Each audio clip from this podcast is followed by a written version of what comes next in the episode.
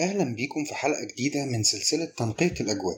الحلقة اللي فاتت اتكلمنا عن الكتاب المقدس وعرفنا إن الناس اللي بتنتقد الكتاب المقدس وبتقول إن الإيمان المسيحي إيمان واهي لمجرد إنك بتؤمن بالكلام اللي موجود في الكتاب المقدس ده ده كلام مش صحيح لأن المسيحية مش قائمة على كتاب ولكنها قائمة على حدث وشخص. الحدث هو القيام من الأموات والشخص هو الرب يسوع المسيح. والكتاب المقدس اتكتب كشهادة توثيق للمسيحية. بعد ما كانت انتشرت already بعد ما كانت الناس آمنت إن ربنا اتجسد واتصلب ومات واتدفن وقام من الموت وصعد للسماء. الحلقة ديت إحنا هنتكلم عن مفهوم مش جديد علينا ولكن من المفاهيم اللي بتعمل مشاكل للناس مع ربنا وبالتالي بتخلي الناس تبعد عن ربنا. وإحنا عارفين إن الهدف من السلسلة ديت إن إحنا ننقي الأجواء بالنسبة للناس اللي عندها مشكلة مع ربنا بسبب فهم غلط للكتاب المقدس أو بسبب إله غلط صفات غلط اتكونت جواهم عن الإله ومش من المفروض إنها تكون هي دي الصفات بتاعت ربنا الحقيقي. النهاردة هنتكلم عن concept كده اسمه ربنا عايز كده أو دي إرادة ربنا فإحنا مش هنعترض يعني. هل الكونسبت ده صح ولا غلط؟ قبل ما ندخل في الموضوع تعالوا نسمع شهادات بعض الناس الملحدين اللي واخدين موقف عدائي جدا من ربنا بسبب الجملة دي. واحد من الملحدين بيقول وإحنا صغيرين قالوا لنا إن ربنا بيحبنا وإن هو طيب وعادل وصالح جدا في جوهره. لكن أنا شايف بالدليل القاطع إن ربنا قاسي جدا وغير عادل لأنه سايب الناس الأبرياء يواجهوا معاناة كبيرة وتقيلة لدرجة إن لو شخص مريض نفسيا قرر يخلي الناس تعاني هيبقى محرج إنه يعمل فيهم اللي ربنا بيعمله ده. ده رأي واحد من الملحدين. في واحد تاني بيقول قالوا لنا إن ربنا غامض ومين يقدر يفهم إرادة ربنا. الفهم البسيط جدا عن إرادة ربنا هو اللي المؤمنين بوجوده بيستخدموه بمنتهى البساطة عشان يثبتوا صلاح ربنا. لو حاجة حلوة حصلت لشخص مؤمن يقولوا على طول دي بركة ونعم من ربنا لأنه بيبارك ولاده. وهنا يقولوا شوفوا إزاي ربنا صالح وبيحب ولاده وبيباركهم. إنما لما مئات الأطفال يغرقوا ويموتوا وأهاليهم يبقوا متحسرين عليهم هنا يقول لك معلش محدش يعرف إرادة ربنا. أي إله يسيب أطفال أبرياء يموتوا بالطريقة دي ويسيب أهاليهم بيعانوا من الموقف ده؟ يا إما ضعيف مش قادر يعمل حاجة أو شرير مش مهتم إنه يعمل حاجة. ده برضو رأي أحد الملحدين. آخر رأي هناخده واحد من الملحدين بيقول لو أنت مفهومك عن الخالق إنه شخص كلي القدرة وكلي الصلاح وبصيت حواليك على كل المصايب اللي بتصيب الأرض والناس اللي على الأرض البراكين والزلازل والأعاصير والأمراض والأوبئة والأطفال اللي بتتولد بعيوب خلقية؟ كل الحاجات دي خلت الحياة على الأرض مزرية. وكلها كوارث من الطبيعة. هنا يجي سؤال لو في إله فعلا ليه سايب الحاجات دي تحصل لناس أبرياء؟ ما هو لو موجود يبقى يا إما هو مش كلية القدرة يا مش كلية الصلاح. ده كلام ناس ملحدين واخدين جانب عدائي من ربنا. لمجرد إن اتقالت لهم فكرة غلط عن الإله وبالتالي ربطوا بينه وبين حاجات ملهاش علاقة بيه وده خلاهم يا إما ينكروا وجوده أصلا يا إما يقولوا إنه موجود بس أنا مش هعترف بيه. حلو. من أبسط قواعد الجدال خصوصا لو الجدال ده من طرف واحد زي إن واحد يطلع يتكلم على الإنترنت في فيديو أو يكتب مقال وما يبقاش عندك الفرصة إنك ترد عليه في لحظتها يعني. هو إنه يبتدي يقول كلام غلط عن عقيدة الشخص اللي بيشوفه وبعد كده يبتدي يحلل الكلام الغلط ده بنظريات مبنية أصلا على كلام غلط. مثال يجي واحد من الناس دول يقول لك إزاي أؤمن بإله خلق الجحيم عشان يعاقب به الناس اللي هيخطئوا. إحنا بقى كمسيحيين بدل ما نفكر في الموضوع وناخد خطوة ورا كده ونبص على الفكرة دي ونشوف هل إحنا فعلا بنؤمن بكده ولا لأ بنبتدي ناخد موقف دفاعي ونبتدي ندافع عن الفكرة اللي هي أصلا غلط ومش من عقيدتنا ولا إيماننا لمجرد إن الشخص اللي بيتكلم عن ربنا ده شخص ملحد ولمجرد إنه بيشوه صورة ربنا وهو بيبتدي يبني بقى على الفكرة دي نظريات وينسب حاجات غلط لربنا ويحاول يثبت إن ربنا مش كويس عشان نؤمن بيه أو مفيش إله أصلا وإحنا بنبتدي بقى نحاول ندور على إثباتات علمية ترد عليه وتثبت وجود إله من غير ما نرد على نظريته الغلط أصلا. إيه كل ده؟ ده اللي بيحصل لما ناخد موقف دفاعي من غير ما نفكر. هل ده فعلا إيماننا؟ لو من الأول فكرنا وعرفنا إن دي مش عقيدتنا ولا ده إيماننا مش هنكمل. سواء بقى إن إحنا بنسمع الشخص ده أو بنتفرج عليه أو بنقرأ له مش هنكمل قراية لأنه أصلا بيتكلم عن دين وعقيدة غير عقيدتنا. فخلاص مع السلامة. علشان كده إحنا في سلسلة تنقية الأجواء هدفنا إن إحنا نشيل من دماغنا كل الأفكار المغلوطة اللي اتقالت لنا عن ربنا وإحنا صغيرين. ونرجع لإيمان كنيستنا الحقيقي اللي الآباء الأوائل آمنوا بيه وعلموه للناس اللي بعدهم وسلموه للكنيسة قبل ما يتشوه. لأن اغلب أغلبنا اتربى في كنيسة أو في بيت بيمنع الأسئلة المتعلقة بالإيمان ويقول ما ينفعش نسأل الأسئلة دي. وبالتالي لما كبرنا وواجهنا حقائق الحياة كان صعب علينا نوفقها مع الإيمانيات اللي اتربينا عليها. وفي ناس وقعوا مننا وبعدوا عن ربنا بسبب ده بسبب عدم وجود إجابات مقنعة عن الحقائق الحياتية إلا الإجابات الإيمانية الغير مقنعة. من بداية التاريخ والبشرية بتحاول توصل لماهية الإله. إيه هو الإله ده؟ وكان في وقت في التاريخ كانت أكتر ناس متحضرة اللي هم الفراعنة. بيؤمنوا إن الإله هو الشمس أو النهر أو الفرعون نفسه يعني إنسان. وبعد كده جم ناس تانيين متحضرين برضه وكانوا بيؤمنوا إن الإله ده هو زيوس وأفروديت وثور وآلهة تانية كتير. والشيء المضحك في الموضوع إن أول ناس اتقال عليهم ملحدين هم المسيحيين لأنهم بينكروا وجود الآلهة اللي الحضارات دي بتؤمن بيها. وده مش عشان إحنا بننكر وجود ربنا من الأساس. لا لكن لأن إحنا شايفين إن النسخة اللي أنتوا بتعبدوها من ربنا مش هي النسخة الصح. من النسخ بقى المنتشرة اليومين دول عن ربنا إنه إله الحاجات الغير مفهومة بقى. يعني أي حاجة إحنا مش فاهمينها نلزقها في ربنا. أي حاجة مش لاقيين لها تفسير دلوقتي يبقى أكيد دي من ربنا. أو أكيد ربنا عايز كده. طبعا كويس جدا إنك تشوف إيد ربنا في كل حاجة في حياتك. بس الموضوع ده خطير جدا ومحتاج تمييز.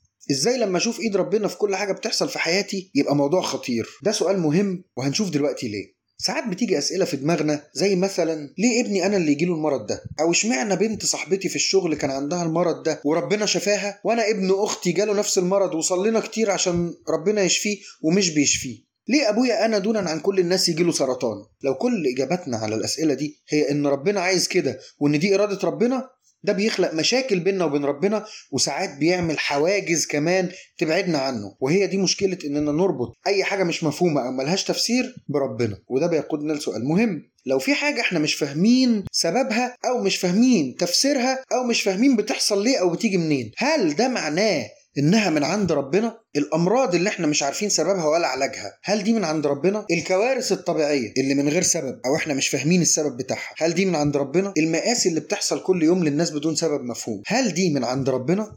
طيب تعالوا نفكر في الموضوع بالعكس. تعالوا نرجع كده 100 سنة لورا. هل الحاجات اللي كانت مش مفهومة من 100 سنة هي هي نفسها مش مفهومة دلوقتي؟ ولا في حاجات قدرنا نفهمها ونوصل لأسبابها وعلاجها وكمان قدرنا نوجد وقاية ليها علشان نمنع تكرار حدوثها؟ إحنا كمسيحيين نحب ده جدا. إحنا نفسنا ومنع عنا إن كل مرض وكل ظاهرة غير مفهومة بتتعب الناس تتعالج.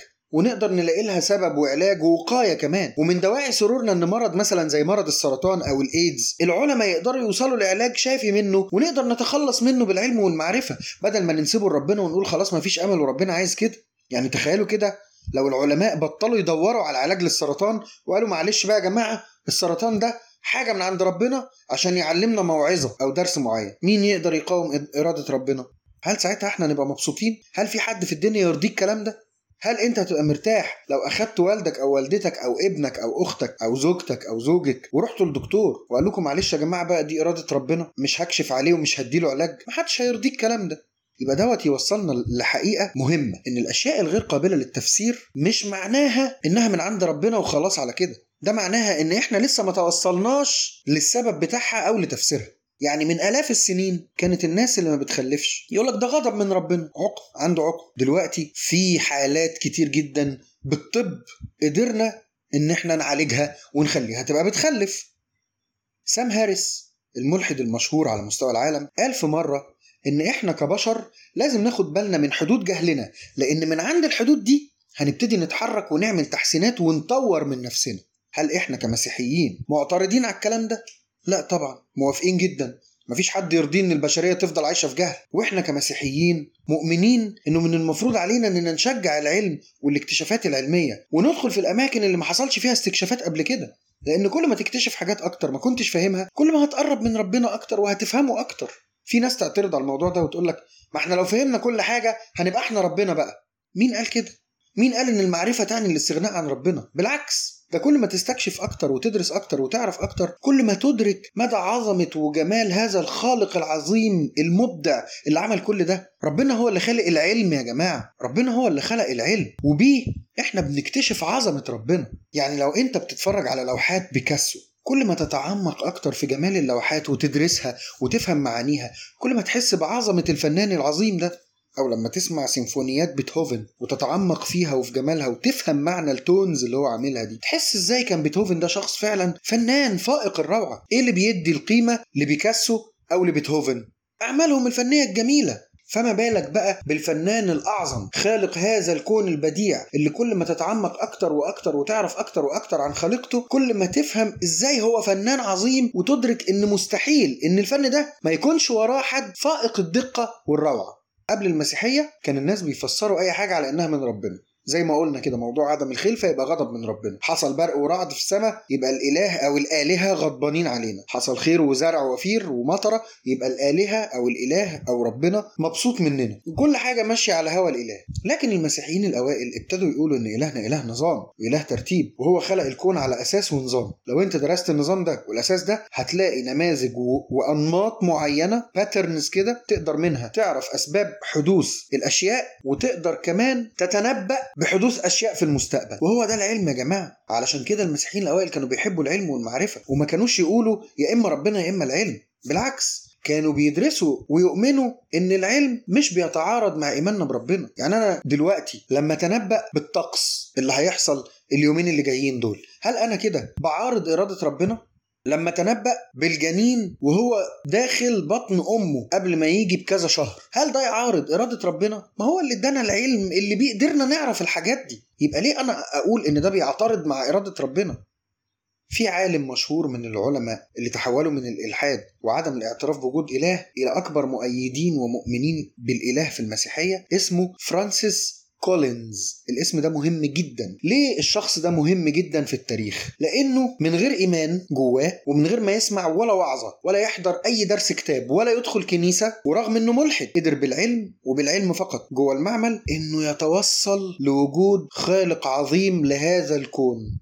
وكتب كتاب اسمه لغة الإله. بيقول فيه إزاي إن الإنسان يقدر يجمع جواه بين العالم الصارم اللي مش بيصدق غير الحقائق العلمية وبين المؤمن اللي بيؤمن بالروحانيات وما هو فوق نطاق الطبيعة والعلم. والراجل ده بيتكلم في الكتاب بتاعه عن ثلاث حاجات رئيسية وأساسية. أول حاجة شيء موجود اللي هو العالم. هذا الشيء لا يمكن أن يكون جاء من لا شيء. دي تاني نقطة. ثالث نقطة يبقى بالتالي في سبب رئيسي لوجود هذا الشيء. وبمنتهى البساطة بيتنقل لفكرة إزاي حصل الخلق والتطور. هو كان شغال في project اسمه الجينوم البشري فقدر يوصل للغة الإله. بيتكلم عن نظرية التطور مش بالشكل اللي بيروجوا له في الإعلام والميديا بقى ويقول لك عشان تؤمن بيها لازم تنكر وجود إله أو إن الإنسان أصله قرد والكلام الفارغ ده. لا لا لا هو بيتكلم بشكل علمي وبحقائق لا ينكرها الإيمان المسيحي وده يوصل بينا لنقطة مهمة. العلم بدون إيمان أحمق. والإيمان بدون علم غير ناضج إيه الهدف بتاعنا؟ هو إيمان يتقوى بالعلم في ناس بيبقى عندها فهم مبسط كده لبعض الكلام في الكتاب المقدس فيبتدوا يلوموا العلم أو ما يصدقوش الحاجات اللي بيكتشفها العلم وبتتعارض مع إيمانهم أو فهمهم البسيط لبعض الآيات بتاعت الكتاب المقدس. القديس أغسطينوس كتب كتاب اسمه المعنى الحرفي لسفر التكوين. في الكتاب دوت بيقول للناس دول اللي هم عندهم فهم بسيط لبعض آيات الكتاب المقدس ومنحازين للفكر ده ضد العلم بيقول لهم يا ريت لما نلاقي حاجة مخالفة لفهمنا وإحنا بنقرأ الكتاب وبنقرأ آيات الكتاب المقدس اللي ممكن تتفهم بطرق مختلفة ما ينفعش أنحاز لفهم معين أو لطريقة معينة ضد كل الطرق التانية. لا في طريق البحث عن الحقيقة نطلب معونة لكشف الأشياء الغامضة بدل من الانحياز لفكرة معينة بحجة الإيمان. طالما أنها لا تتعارض مع الإيمانيات الأساسية إيه الإيمانيات الأساسية؟ إن السيد المسيح هو ربنا اللي اتجسد واتصلب ومات وقام من الأموات وصعد للسماوات. دول مفيش عليهم اختلاف. ما ينفعش نقول أصل أنا فاهمهم بطريقة معينة وحد تاني فاهمهم بطريقة تانية. غير كده أي حاجة تانية بقى ممكن نقول فيها ونعيد. في النهاية حابب أقول إن إحنا مش بنؤمن بإله الأشياء الغير مفهومة أو اللي ليس لها تفسير. وإن الحاجات اللي ملهاش تفسير دلوقتي ملهاش علاقة بربنا اطلاقا وربنا مش بيسمح بيها أو مش بيسببها. وإن الحاجات دي أصلا إن اجلا أو عاجلا هنكتشف سببها. والبشرية لما تكتشفها بعد كده وتكتشف سببها بالعلم والبحث وإحنا دلوقتي بنقول عليها إنها ربنا هو اللي بيعملها ساعتها ممكن ناس تقع مننا. علشان كده لازم ندور ونبحث نبحث وراء أسباب الأشياء. بالعلم في المستقبل مع التطور العلمي والتكنولوجي الفائق هنكتشف إنها مش بسبب ربنا ولكن بسبب خلل في حاجة ليها علاج علمي. وهنكتشف أكتر عظمة الخالق العظيم اللي خلق الكون ده بكل نظامه بالعلم اللي أدانا إن إحنا نكتشف السبب. وادى للإنسان حرية الإرادة. والإنسان بحرية إرادته دي أدخل الخلل والفساد للكون وتسبب في حاجات مش لاقي لها تفسير دلوقتي. فلو كنت بعدت عن ربنا أو سبت ربنا خالص بسبب حاجة أنت مش لاقي لها تفسير والناس قالوا لك ربنا عايز كده أنا بقول لك لأ. ربنا مش عايز كده لكن الحاجات دي حصلت بسبب حاجة تانية يمكن إحنا مش عارفينها دلوقتي ويمكن العلم يكشفها لينا بعدين. ربنا مش عايز كده.